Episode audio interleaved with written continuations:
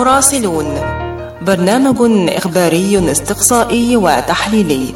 نتناول فيه قضايا تهمكم على الصعيد السياسي والاقتصادي والاجتماعي من عدة عواصم حول العالم. بأصواتكم أنتم وآرائكم.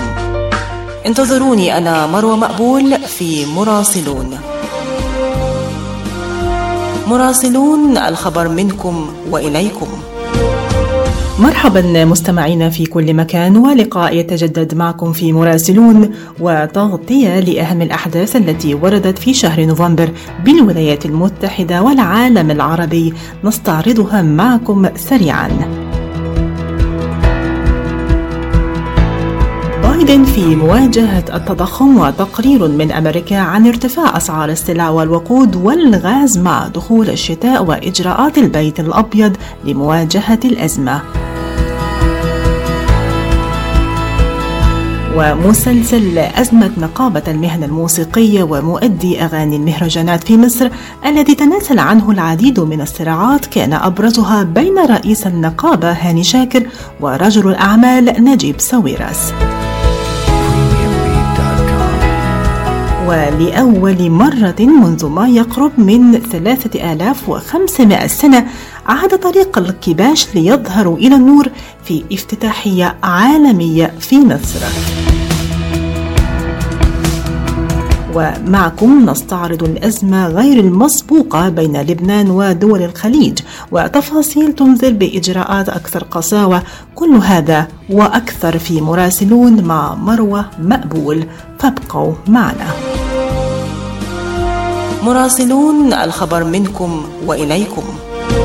هذا البرنامج يأتيكم برعاية حافظوا على صحتكم بالتصدي لكوفيد 19 وأيضا بمواجهة مرض الإنفلونزا الذي يصيب الملايين من الأشخاص معرضا أرواحهم ونظام الرعاية الصحية بأكمله للخطر. احصلوا على لقاح الإنفلونزا الآن فقد ثبت أنه آمن وفعال وأنه يقي ملايين الأشخاص من المرض ويمنع آلاف الحالات من دخول المستشفى ناهيكم عن تجنب الوفيات في الولايات المتحدة. لابد لكل شخص في عمر ستة أشهر أو أكثر من من الحصول على لقاح الإنفلونزا الموسمي حالا لنحمي عمالنا وأولئك الأكثر تعرضا لمضاعفات الإنفلونزا لمن تزيد أعمارهم عن 65 عاما. الأطفال دون الخامسة النساء الحوامل ومن يعاني من ظروف صحية خاصة ساعدونا في مواجهة الإنفلونزا والقضاء عليها. احصلوا على اللقاح لحماية مجتمعكم وأحبابكم. لمزيد من المعلومات زوروا موقع michigan.gov/flu رسالة من وزارة الصحة والخدمات الإنسانية في ولاية ميشيغان يوسف الحسن جاي حالك عالي إلي ساعة عم بستناك مشان نروح نتغدى بالشام الشام؟ إيه بالشام ومو بالشام شلون صارت هي؟ بدل ما نروح نتغدى بالشام إيه جابوا لنا الأكلات الشامية الطيبة لعنا لهم وشلون بقى؟ هذا مطعم دماس عم يعمل كل الأكلات الشامية الطيبة هو وطيبة؟ طيبة كتير شرفوا نتغدى سوا بمطعم دماس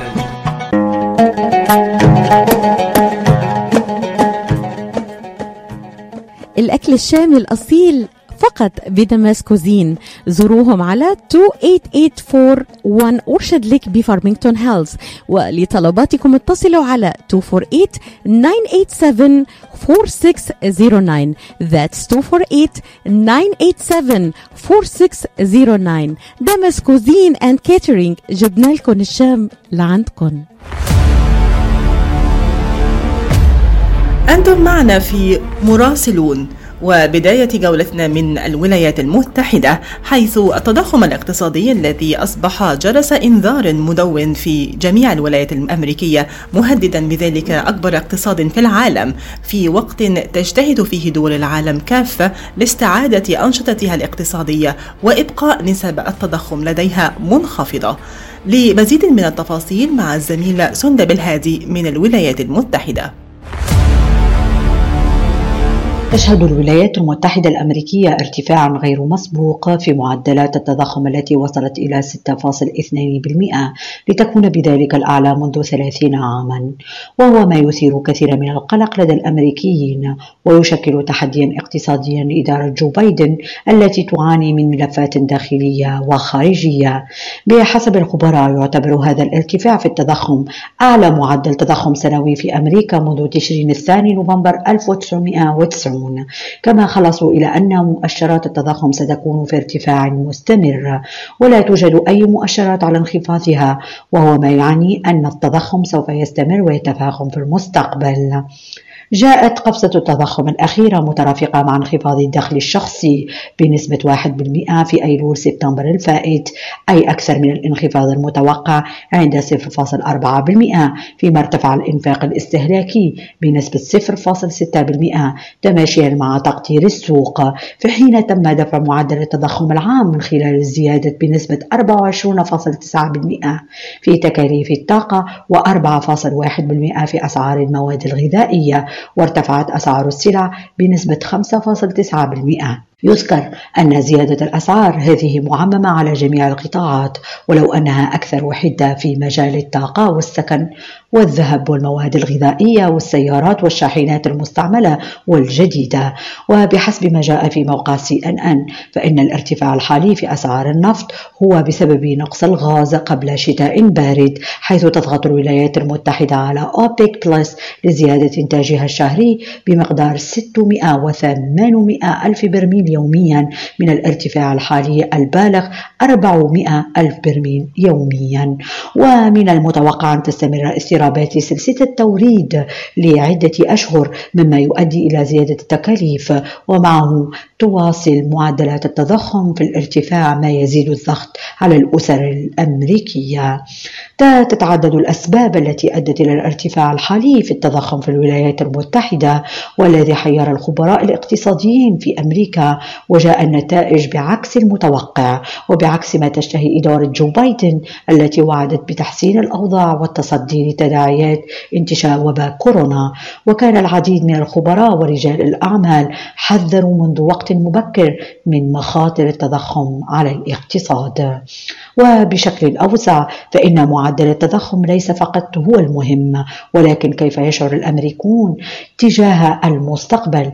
إذا اعتقد الناس أن الأسعار سترتفع أكثر فقد يخرج الوضع عن نطاق السيطرة بسرعة لأنهم يطالبون بأجور أعلى تؤدي بدورها إلى ارتفاع الأسعار. وتنعكس سلبا على معدل التضخم الذي من المؤكد أنه سيواصل الارتفاع وحتى الآن لم يصل المستهلك الأمريكي إلى هذه القناعة. معكم سندب الهادي من الولايات المتحدة الأمريكية. راديو صوت العرب من أمريكا وعن المعدل الطبيعي للتضخم وعلاقته بسياسة العرض والطلب يحدثنا البروفيسور محمد عبد العزيز ربيع أستاذ الاقتصاد الدولي في أمريكا.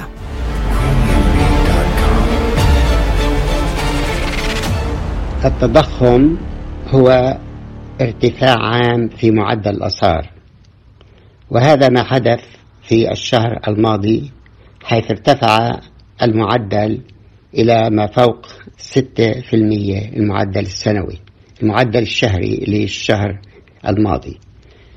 أما بالنسبة للمعدل المقبول في العالم أو المتفق عليه على أساس أنه معدل عادي هو حوالي 2% لأنه 2% بتغطي الزيادة في الأجور والزيادة في الشحن والزيادة في سعر بعض المواد الخام اللي بترتفع بسبب إما نقص العرض أو زيادة الطلب عليها.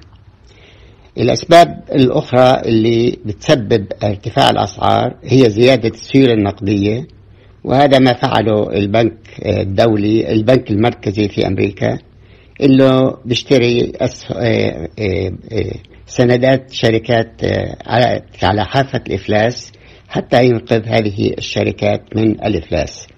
لكن لحسن الحظ هذه الفلوس ما دخلت في السوق المالي آه، ما دخلت في السوق العام لأنها كلها تركزت في السوق المالي. السبب الثاني لارتفاع الأسعار هو ارتفاع الطلب بالنسبة للعرض على بعض المواد زي السيارات مثلا لأنه الشهر اللي فات ما كان في سيارات كافية. وارتفاع أسعار المواد الخام خاصة السنة هذه ارتفع سعر البنزين. اللي تضاعف آه، بسبب آه، عدم خفض الإنتاج في بعض الدول على مدى السنوات الثلاث الماضية. وأيضا الخدمات ارتفاع أسعار الخدمات. الأجور أيضا ارتفعت لأنه في عندنا نقص في الأيدي العاملة في ناس كثير تقاعدوا عن العمل. وفي أيضا الناس اللي بيجيبوهم بعطوهم فيز كل سنة يجوا لأمريكا عشان يشتغلوا قلت كثير إلى حوالي تقريبا نصف مما كانت عليه في السنوات ال ال ال الأخيرة والشيء الثالث اللي هو مش ما حد بذكره كثير إنه في شيوع الجشع اللي أنا بعتقد إنه الشركات الكبرى اغتنمت فرصة النقص في أشياء مختلفة وبالتالي رفعت الأسعار بشكل كبير وهذا يعني كان واضح من نسبة الأرباح اللي عملتها في السنة الماضية. الآن الارتفاع في عام 2019 كانت 2.3 من عشرة. في عام 2020 نقص لحوالي 1.4 من عشرة كان يعني كثير كويس. السنة هذا ارتفع أنا بعتقد أنه راح تنتهي السنة في حدود 4.3 من عشرة المعدل العام. لأنه في أول ثلاث شهور كانت بالنسبة يعني قريبة من الشهر من السنة اللي مضت. ثم ارتفعت في حدود خمسة ثم ارتفعت إلى ستة واثنين من عشرة في الشهر الماضي. ولهذا السبب صار كل هذا القلق وحتى شعبية الرئيس بايدن انخفضت بالنسبة لهذا الموضوع. فاللي لازم نعطيه انتباه له أيضا ليس فقط إنه النقص في العرض بالنسبة للطلب وإنما أيضا لشيوع الجشع بين الشركات الكبرى. وفي تغريدة أكد الرئيس بايدن أن إطار إعادة البناء الأفضل سيضع الولايات المتحدة في المسار الصحيح من أجل تحقيق الأهداف المناخية وخلق الملايين من الوظائف ذات الأجور الجيدة وتنمية الاقتصاد. وفي الوقت الذي يناقش فيه بايدن ما إذا كان سيعيد تعيين جيروم باول وهو جمهوري رشحه الرئيس السابق دونالد ترامب فإن مجلس الاحتياطي الفيدرالي يتعرض لكثير من الانتقادات إذ يعتقد جلين هوبرت كبير المستشارين الاقتصاديين السابق للرئيس جورج دبليو بوش أن بنك الاحتياطي الفيدرالي يخاطر بفقدان السيطرة على التضخم إذا لم يتمحور قريبا. وقال الخبير الاقتصادي محمد العريان إن الأسواق ستواجه تحديات جديدة وسط مخاوف من إمكانية إعادة الإغلاق وحظر السفر التي تتناسب طرديا مع معدل تفشي المتغير الجديد وأوضح أن ذلك سيكون له تداعياته على معدل التضخم الحالي وسينتج عنه ما يسمى الركود التضخمي الذي عانت منه البلاد في السبعينيات رغم أن التضخم يعتبر أقل من المعدل الذي كان عليه في هذا الوقت والبطالة لم تزد عن نسبة 4.9% وأوضح أن الوقت قد حان لتغيير الطريقة التي يتعامل بها الاحتياطي الفيدرالي مع الأمور لتجنب موجة أخرى من التضخم وأن ذلك لن يتحقق مع شخص يرى أن التضخم مؤقت ولا يكف عن طمأنة الجميع بشأن ذلك. مراسلون. مرحبا بكم مرة أخرى مستمعينا الأعزاء ولا زلتم معنا في مراسلون. سنستعرض معكم أزمة نقابة المهن الموسيقية في مصر ومؤدي المهرجانات وصراع بين ساويرس وهاني شاكر. ولكن قبل مناقشة هذا الملف الفني نبدأ مع رحيل الفنانة المسرحية الكبيرة سهير البابلي كتحية لروحها وتكريما لسيدة عشقت فنها. هي التي قالت يوما قبل اعتزالها أنها كانت تود الموت فوق خشبة المسرح لشدة عشقها لفنها.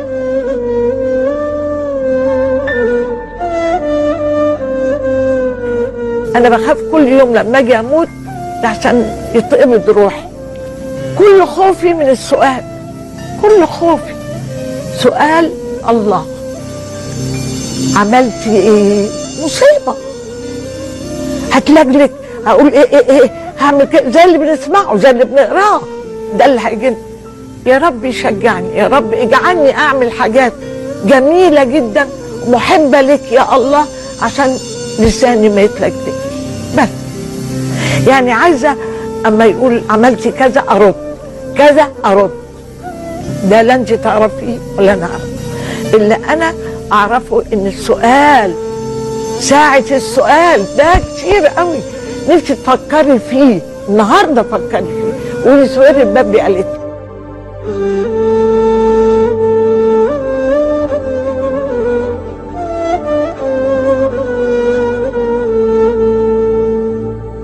رحلت عن عالمنا الفنانة المصرية سهير البابلي عن عمر ناهز الأربع وثمانين عاما وألقى خبر رحيلها ظلال الحزن في مصر والعالم العربي إذ تحظى سهير البابلي بمكانة رفيعة في قلوب الجماهير المصرية والعربية لا سيما أنها حققت نجاحا لافتا في كل روافد الإبداع.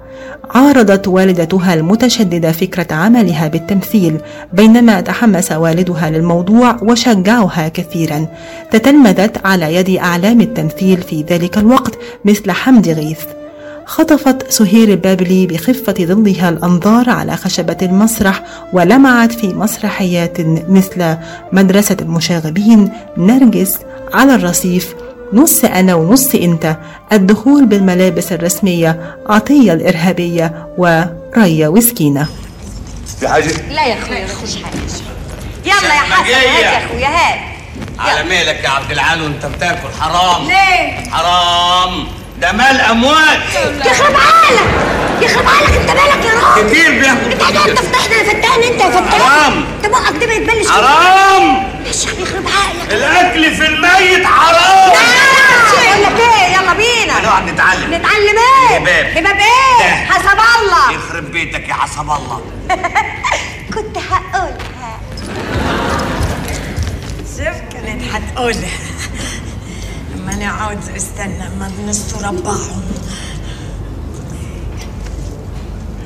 نغنشت دلعني أنا كل الناس بتاكل عشان تتخن وأنت بتاكل عشان تطول. يا غزال يا غزالة أنت يا غزال. ويا سيدي المرسي أنا ما اتعشيت من ليلة الصباحيه سبت لك الصينية كلها يا عبعال عشان تتغذى اديني لقمه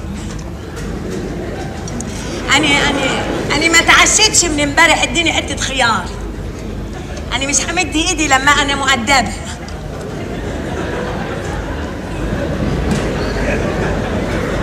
اديني بيضة اديني بيضة. هات بيضة وانت بيضة. أيوه إيه هات التانية دي هات دي هات دي أنت شايل اللوز قبل الجواز. إيه يا عبعال البيضة بتنزل مسلقان كأنها نازلة كده. ده عيب إحنا في الصباحية أمال في الأربعين هتعمل إيه؟ عيب كمان أما تعمل بالونة هنا ولا بتاع دي. وكني أوكلك بيه بايديك وأنا آكل بيه يا ساتر.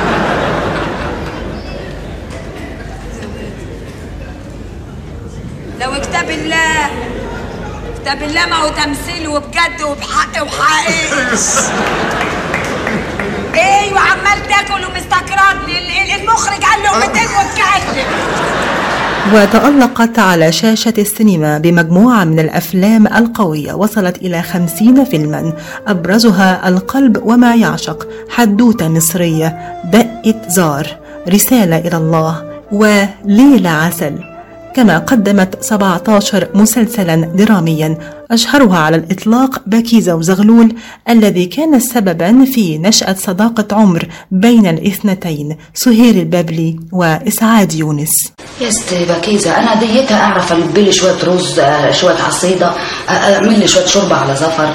ما أعرفش أعمل ما افهمش أنا في الطبيخ العلوي بتاع الناس ولاد الناس دول. تلبي فعلا. مش خالص تعملي. شايفه أنا اشتغلت إيه؟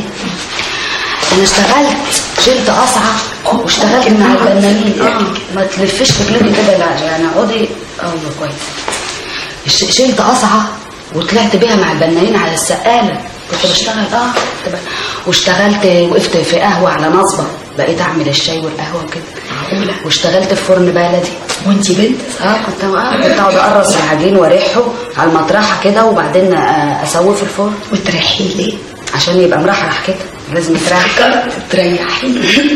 يتريح أنا كمان. أنا كمان اشتغلت كويس جدا وشقيت. وأنت صغيرة؟ ومعقول نعلم إن أنت بنت ناس يعني ما فيش مانع إن ولاد الناس يشتغلوا. اشتغلت إيه؟ أنا كنت بطلع ال 15 درجه سلالم طالعه نازلة طالعه نازلة والخدامين ورايا يطلعوا. سلالم إيه؟ سلالم الفيلا. أيام المرحوم أبوكي. كنت بتطلعي السلالم؟ تعملي إيه؟ تطلعي السلالم. قلبي تشتغل أيوه. لا حول الله. كنت بطلع السلالم أنا والشغالين. سفرجيه والشماشرجيه وكله أجيبهم الجناينيه كله كله يطلعوا بتعب بتعب فعلا بتعب وبيجي لي ضربات قلب جامدة جدا.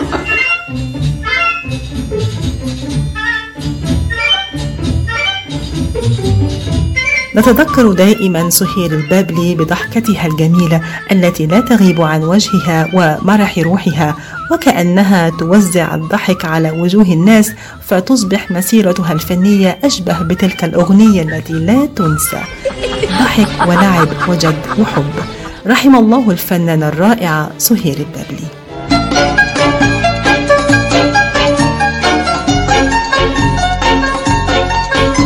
مصر كانت ولا زالت المنبر الأهم عربيا منذ أكثر من مائة عام لكل الفنانين في العالم العربي لكنها تواجه الآن أزمة بين نقابة المهن الموسيقية المعنية بالحفاظ على الذوق العام إلى جانب مهام أخرى وبيكا وشطة وكزبرة وحنجرة أو هؤلاء الذين يؤدون نوع من الأغاني أطلق عليه المهرجانات. لا يزال مسلسل أزمة نقابة المهن الموسيقية ومؤدي أغاني المهرجانات مستمرا في مصر. أزمة تناسلت عنها العديد من الصراعات كان أبرزها بين رئيس النقابة هاني شاكر ورجل الأعمال نجيب ساويرس. فبعدما كان الصراع محصورا بين نقابة المهن الموسيقية المصرية ومؤدي هذا النوع من الأغاني على خلفية قرار النقابة بمنع 19 منهم عن العمل إلى حين تصحيح أوضاعهم واجتياز الاختبارات التي رسب فيها البعض عدة مرات. دخل على خط الصراع هذه المرة رجل الأعمال المصري نجيب ساويرس الذي انتقد قرار هاني شاكر واصفا إياه بالمعيب. وأوضح على حسابه الرسمي بتويتر أنه في حال اندهاش لكونه يرى ولأول مرة نقيب المغنيين فخورا جدا بمنع الغناء ناسيا أن الجمهور له كامل الحرية في سماع ما يشاء من أنواع الموسيقى والغناء. مش في رقيب على المصنفات؟ مش في رقيب على المصنفات يعني ولا ما فيش؟ هو مش هو مش الرقيب. هو نقيب الموسيقيين حتى مش المغنيين يعني. خلاص يعمل دوره بس. دوره اجتماعي دوره معاش دوره كده لكن مش دوره يقول لنا نسمع إيه وما نسمعش إيه.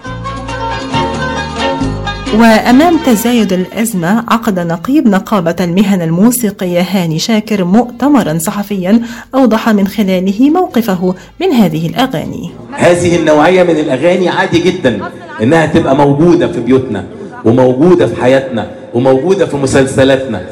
فلا هو هي هي لها طعم وحتى اللي بيختار منها إنه يتقال لازم يختار بعناية. لكن أنا بصراحة ربنا بسمع كلام ما ينفعش يتقال في الإذاعة. واكتفى بإيجاد العذر لنجيب ساويرس لكونه لا يفهم في مجال الموسيقى والغناء مختتما حديثه من يهاجم لا يحب مصر وهو ما انتقده الناقد الفني طارق الشناوي كما أنه انتقد قرار المنع. أنا مثلا أتوقف أمام إنه نقيب يعتبر إنه اللي يسمع مهرجانات أو اللي يدافع عن آه، مطربي أو مؤدي المهرجانات ما بيحبش مصر. الحقيقة دي رخيصة قوي كتعبير. لا مصر أكبر بكتير ومصر تتسع لكل الناس. أنت ممكن تبقى ما بتسمعش أغاني مهرجانات زي حالاتي لكن تبقى رافض المنع كمبدأ لأنه لأنه يقول لك سلاح البليد مسح التخته. أيضا المنع هو سلاح البليد. ليه؟ ال- اللي مذاكر كويس وفاهم كويس هيخلق مناخ صحي حتى آه، تزدهر ال- الفن يزدهر الفن الجميل ويطلع ويبقى فيه مطربين وفيه أغاني الناس تسمعها. لكن المنع في حد ذاته غير مؤثر على الإطلاق خاصة هذه الأيام. يعني هو طول عمره المنع قرار لا يؤتي ثماره لأنه الناس لازم يبقى تسمع حاجة. ما تفرضش على الناس حاجة. الناس تختار قدم فن جميل الناس تسمعك كانت الناس بتسمع أم كلثوم في الأطلال وبنفس نفس هؤلاء الجمهور يستمع إلى الصح الدحم بو لأحمد عدوية. ما حصلش مشكلة خالص. الصراع لم يتوقف عند هذا الحد فقد اتخذ طريقا آخر عندما طلب رجل الأعمال المصري من مؤدي المهرجانات اللجوء إلى القضاء. وفي الوقت نفسه صرح بأنه لا يحب غناء هاني شاكر وهو تصريح أثار حفيظة الأخير الذي قام بالرد على نجيب ساويرس في أحد اللقاءات بأنه لا يتشرف بأن يسمع أغانيه التي تحتاج إلى ذوق عال وإحساس متميز. صراع تشهده الساحة الغنائية المصرية والحل هو اجتياز الاختبار مثل ما أوضح الصحفي أمجد مصطفى أي حد منهم من الأسماء اللي تم زي ما بيتقال منعهم شايف عنده القدرة على إن هو يجتاز اختبار النقابة عليه أن يذهب إلى نقابة الموسيقيين ويقدم أوراقه إلى النقابة ويخضع للاختبار زيه زي أي صوت تقدم إلى النقابة واجتاز الاختبار أو لم يجتاز ال- الاختبار تنظيم م. العمل ده على فكرة مش شيء مش معيب يعني يعني وليس موجه ضد أحد هذا البرنامج يأتيكم برعاية بينما كنا نجلس في بيوتنا مطمئنين كان علماؤنا يعملون ليل نهار لإيجاد لقاح لفيروس كوفيد 19 شكلت الأبحاث التي انطلقت منذ عقود حول أنواع أخرى من فيروس كورونا نقطة بداية في رحلة استغرقت أشهرا من البحث والتطوير بالتعاون مع خبراء من جميع أنحاء العالم. وبعد الحصول على نتائج سريرية واعدة لعشرات آلاف المتطوعين توصل العلماء أخيرا إلى لقاح آمن وفعال حيث تم حتى يومنا هذا تلقيح مئات الآلاف من الأشخاص في ميشيغان. والآن أصبح مصيرنا بين أيدينا لنأخذ اللقاح في أول فرصة ممكنة ولنستمر في ارتداء الكمامة ولنأخذ الاحتياطات اللازمة حتى نصل إلى بر الأمان والتحرر من فيروس كورونا. للحصول على أكثر المعلومات مصداقية زوروا الموقع الإلكتروني michigan.gov/covid vaccine. هذه الرسالة بدعم من وزارة الصحة والخدمات الإنسانية في ولاية ميشيغان. تحس إنه إيديك عم تنمل أو كتفك عم يجمد أو أصابعك عم تورم وما عم تقدر تشتغل فيهم مثل ما بتريد. مرحبا أنا الدكتور عبد المجيد قطرنجي. زورونا بموقعنا الإلكتروني www.kachanjihandcenter.com لتتعرفوا على كيفية العلاجات لإصابات اليد والكتف والكوع. وإن شاء الله تقدروا تشاركونا بافتتاح مركزنا الجديد في تروي ميشيغان. ونتمنى لكم العفو والعافية. للمواعيد زورونا في عيادتنا الواقعة على 1565 في مدينة تروي البناء F أو اتصلوا بنا على الرقم 248-869-4263 That's 248-869-4263 مراسلون نتناول فيه قضايا تهمكم على الصعيد السياسي والاقتصادي والاجتماعي من عدة عواصم حول العالم. لم تصل علاقة لبنان مع دول الخليج لا سيما مع السعودية. إلى هذا المستوى من التراجع ولم يحدث في تاريخ هذه العلاقة أن يطلب من سفير لبنان لدى الرياض المغادرة ويسحب في المقابل السفير السعودي الذي ستطول إقامته هذه المرة في المملكة بحسب المعلومات. كما تفاقم المأزق الاقتصادي والسياسي في لبنان ووصلت الليرة إلى مستويات منخفضة جديدة. الأسعار ارتفعت بشكل كبير في الأسابيع الأخيرة حيث رفعت الحكومة الدعم عن الوقود وبعض الأدوية مما جعلها بعيدة عن متناول الكثيرين في البلاد فيما يبلغ الحد الأدنى للأجور الشهرية حاليا حوالي 27 دولار. كما يعيش قرابة ثلاثة أرباع سكان البالغ عددهم 6 ملايين نسمة بمن فيهم مليون لاجئ سوري في فقر.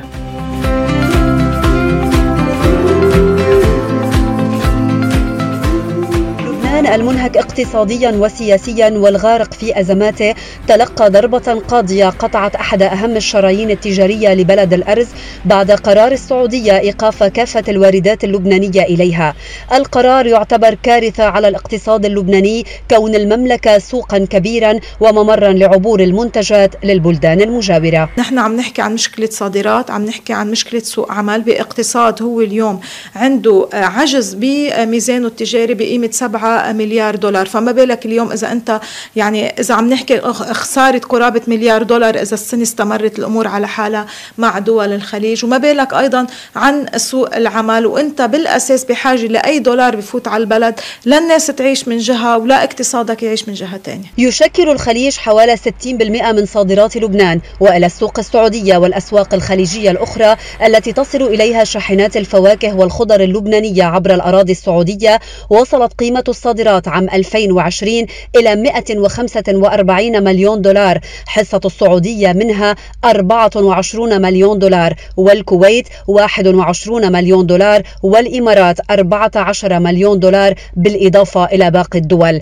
أرقام تعني خسائر بمئات ملايين الدولارات. ونحن أيضا آه، نرى أن هناك خسائر على المستوى السياحي. آه، اليوم هناك ضرورة قصوى على القوى السياسية في لبنان أن آه، تعقد اتفاق وطني لتؤكد على دور لبنان وهوية لبنان العربية وأنه دور لبنان في المنطقة هي دور, دور اقتصادي تجاري أمام الأزمة غير المسبوقة يقف لبنان اليوم مهددا بعزلة دبلوماسية عن محيطه العربي ومساعي تجري على كل المستويات للبحث عن مخرج فهل تنقذ لبنان من المستنقع الكبير الذي سقط فيه؟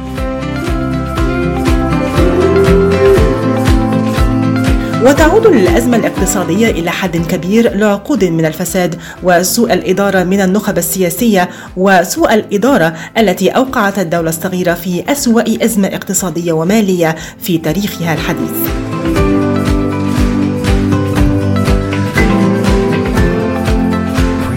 تداعيات الأزمة في العلاقات بين لبنان ودول الخليج على الاقتصاد اللبناني ولماذا ساءت العلاقات إلى هذا الحد؟ هل السبب هو فعلا كلام وزير الإعلام اللبناني جورج قرداحي أم أن الأزمة أعمق من ذلك؟ كل هذه التساؤلات يجيب عنها الكاتب الصحفي كرم جابر بالمجلس الأعلى لتنظيم الإعلام في مصر.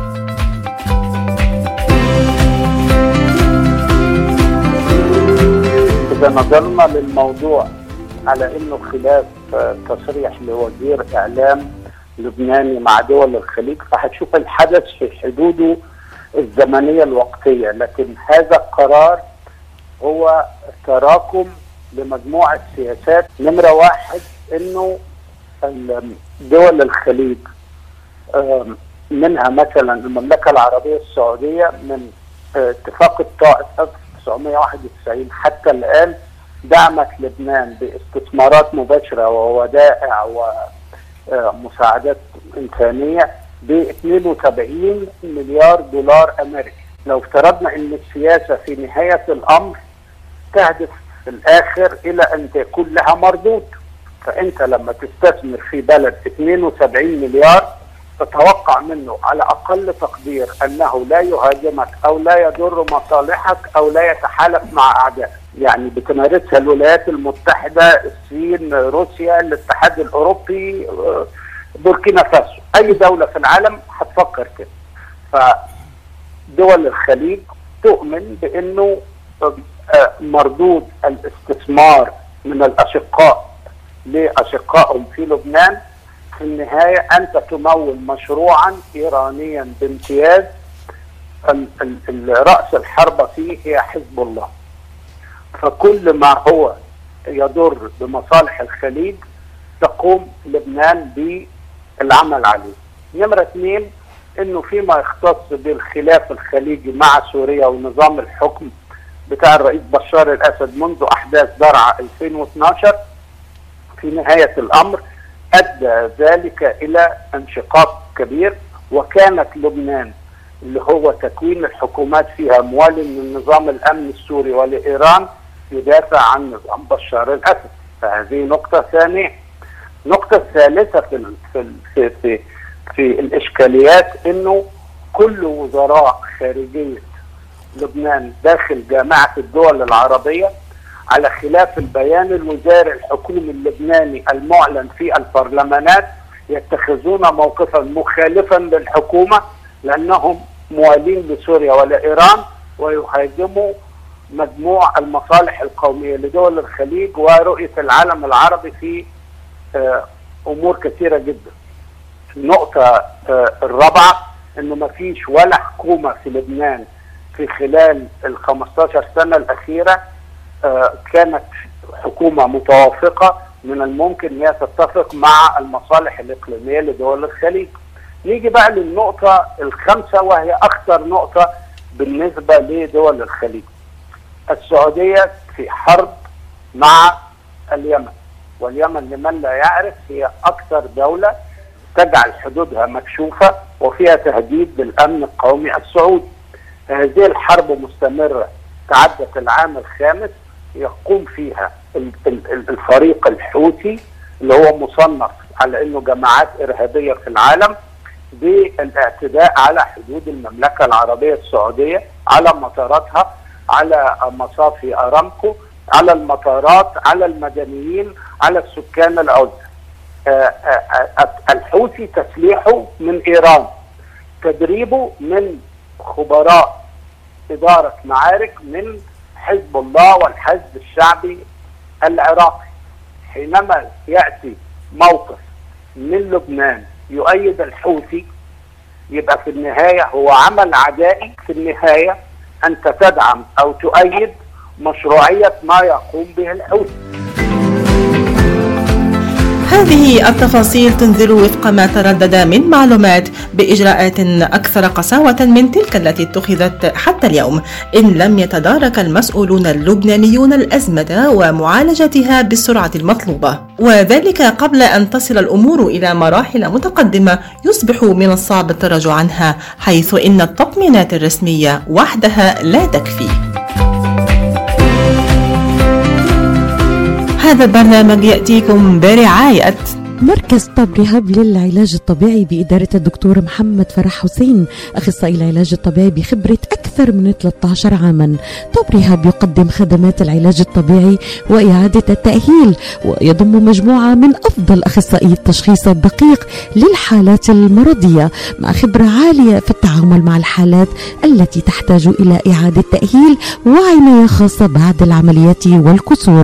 طب رهاب يستقبل كل الحالات المتعلقة بألم الرقبة الظهر المفاصل شلل الوجه الانزلاق الغضروفي عرق النساء الحوادث وإصابات العمل. خبيرات في المعالجة النسائية لخصوصيات تامة للسيدات. عندما تبحثون عن رعاية متميزة اقصدوا توب ريهاب للعلاج الطبيعي الواقع على 15001 ميشيغان افنيو وللمواعيد اتصلوا على 313 846 0555 that's 846 0555 لتحضري عشاء طيب وسفرة ملكية منقدم لك تشكيلة متنوعة وغنية. مربيات كبيس وحمص بطحيني الجودة عالية والمنتجات صحية. الشكل مثل الخيال والريحة شهية. لتطلع سفرتك لوحة فنية زياد لقمة هنية وطعمة أصلية. منتجات زياد من عائلتنا. إلى عائلتكم وختاما مستمعينا نعود معكم إلى مصر حيث شهد العالم هذا الأسبوع احتفالية افتتاح طريق الكباش في حفل أسطوري ضخم يجسد احتفالات المصريين القدماء منذ أكثر من خمس آلاف عام. ولم يكن اختيار التوقيت إقامة الحفل العالمي مصادفة فهو يتزامن مع يوم الاحتفال بعيد الأط وكان طريق الكباش يشهد أكبر الاحتفالات الدينية للإله آمون في عصر الدولة الحديثة حيث كان آمون ينتقل خلال هذا الاحتفال من معابد الكرنك إلى معبد الأقصر عبر طريق الكباش ويرافقه موكب عظيم على رأسه الفرعون والكهنة وكبار رجال الدولة. وكان هذا الاحتفال يقام سنويا أثناء موسم الحصاد بداية من عصر الدولة الحديثة خلال أشهر سبتمبر وأكتوبر ونوفمبر. وكان يطلق عليه عيد الأبط باللغة الهيروغليفية أو حب نفر آن أبط أو الأبط الجميل والذي كان يمثل اللقاء السنوي بين المعبود آمون رع إله الشمس وزوجته موت.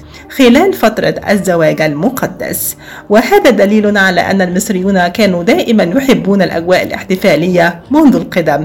لكن ما قصة وأهمية عيد الأبط الذي تم إحياؤه من جديد بعد غياب آلاف السنوات؟ سنعرفها معكم في هذا التقرير. عيد مصري قديم. احتفل به المصريون القدماء في عهد الدولة الوسطى حيث كان الاحتفال بعيد الأوبات يقام كل عام مع بداية ارتفاع فيضان النيل. وكانت فلسفته تتلخص في أن الكون باكمله يستعيد حيويته وعافيته وتجدده استعدادا للموسم الزراعي الجديد. قد نشأ عيد الأوبات بالأساس في مدينة الأقصر عام 2000 قبل الميلاد عندما كانت عاصمة للدولة الوسطى. وكانت طقوس الاحتفال تبدأ من معبد الكرنك حيث تقدم القرابين للآلهة.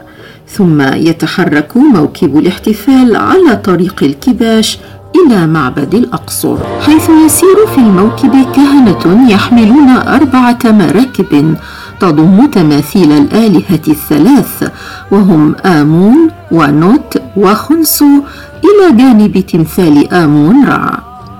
ومع تعاقب العصور بدأ عيد الأوبات في الاندثار وحتى طريق الكباش نفسه الذي كان مسارا لموكب الاحتفال بدأ بالاختفاء تحت الأتربة. حتى أعيد اكتشافه من جديد عام 1949 وطريق الكباش هو طريق يزيد عمره عن ثلاثة آلاف وخمسمائة عام. حيث بدأ ملوك مصر القديمة في بناء طريق يربط بين موقعي معبدي الكرنك والأقصر اللذين لم يكن تم البدء في بنائهما بعد ولكنها أرض الكرنك المقدسة والتي كانت أرضا للآلهة. اتخذت مقرا لعبادة الإله آمون.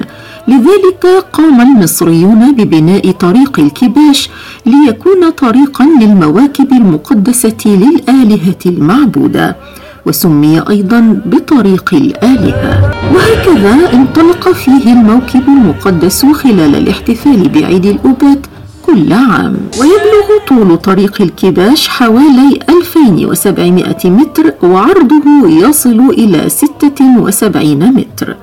وتتراص على جانبيه تماثيل على هيئة أبو الهول برأس كبش والتي يبلغ عددها 2200 تمثال. وقد تم نحت تماثيل الكباش من الحجر الرملي. ومنذ عام 1949 عندما تم اكتشاف طريق الكباش من جديد والحكومة المصرية آخذة في العمل على الاعتناء به وتجهيزه وتطويره. حتى تم افتتاحه في الخامس والعشرين من نوفمبر عام 2021 في صورة مشرفة تليق بحضارة مصر وتاريخها العريق.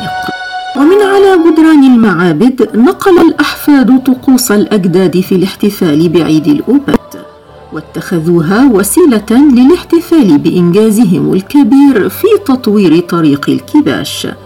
حيث انطلق الموكب الملكي من معبد الكرنك إلى معبد الأقصر على طريق الكباش في محاكاة لاحتفالات الأجداد وكأن المصريين قرروا بعد 2021 عاما من الميلاد أن يحيوا ذكرى ذلك العيد الذي احتفل به أجدادهم منذ 2000 عام قبل الميلاد. وعلى نفس الأرض الطيبة أرض مدينة الأقصر. تلك الشابة رغم عراقتها تلك العروس الضاربة في القدم أرض التاريخ التي يحتضن كل شبر من ثراها أثرا شاهدا على عراقة المصريين وحضارتهم. جاءت احتفالية افتتاح طريق الكباش وكأنها عيد تتويج لعزيمة المصريين وقدرتهم المتجددة على إبهار العالم مهما مر الزمان. شكرا لكم مستمعينا الأعزاء في كل مكان وإلى أن نلقاكم من جديد لكم تحياتي مروة مقبول